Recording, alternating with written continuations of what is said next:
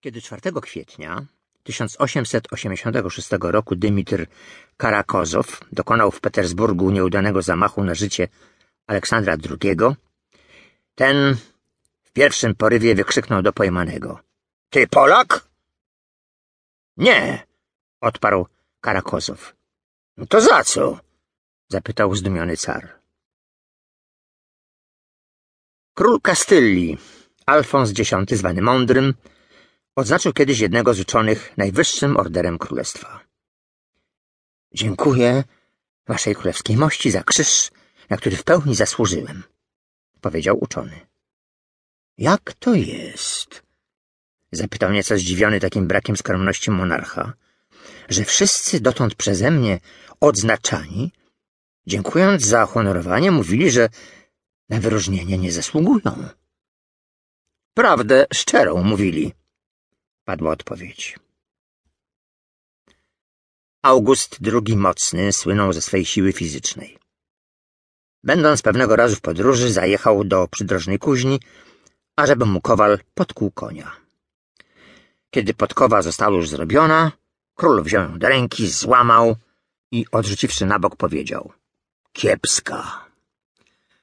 Kiedy przyszło do płacenia, wręczył jednak Kowalowi całego talara, co na owe czasy było sumą dosyć znaczną.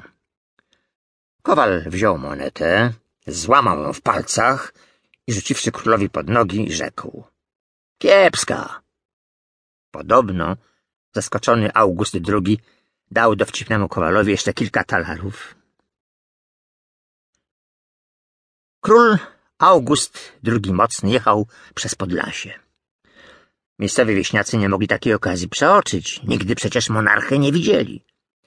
Tymczasem August zmęczony zasnął w kącie karety, a w oknie powozu pojawiła się głowa wyglądającego buldoga. — Jaki ten najjaśniejszy pan do psa podobny, a? — skomentował jeden z widzów.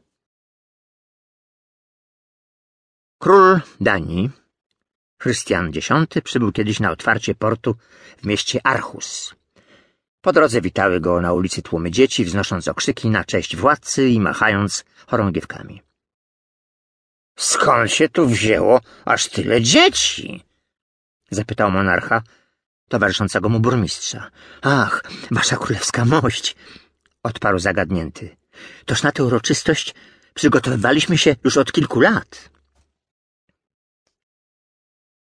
Franciszek Ludwik de Bourbon, książę Conti, wyjeżdżając, powiedział do żony — Nie uczyń mnie rogaczem podczas mojej nieobecności. — Jedź spokojnie — odparła żona. — Mam na to ochotę tylko wtedy, gdy na ciebie patrzę.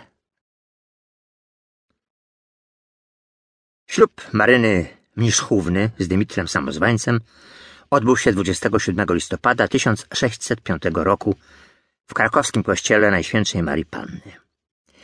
Był to tak zwany ślub per procura. Udzielił go biskup krakowski Bernard Maciejowski, a w zastępstwie pana młodego wystąpił rosyjski poseł Atanazy Własiew. Gdy przystąpiono do ceremonii zaślubin, biskup zapytał zgodnie ze zwyczajem, czy Dymitr nie ślubował już komu innemu wiary małżeńskiej.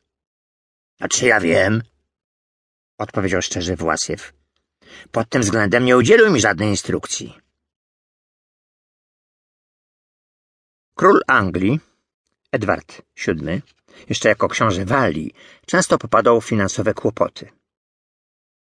Pewnego razu zwrócił się listownie do matki królowej Wiktorii z prośbą o przesłanie mu dziesięciu funtów szterlingów.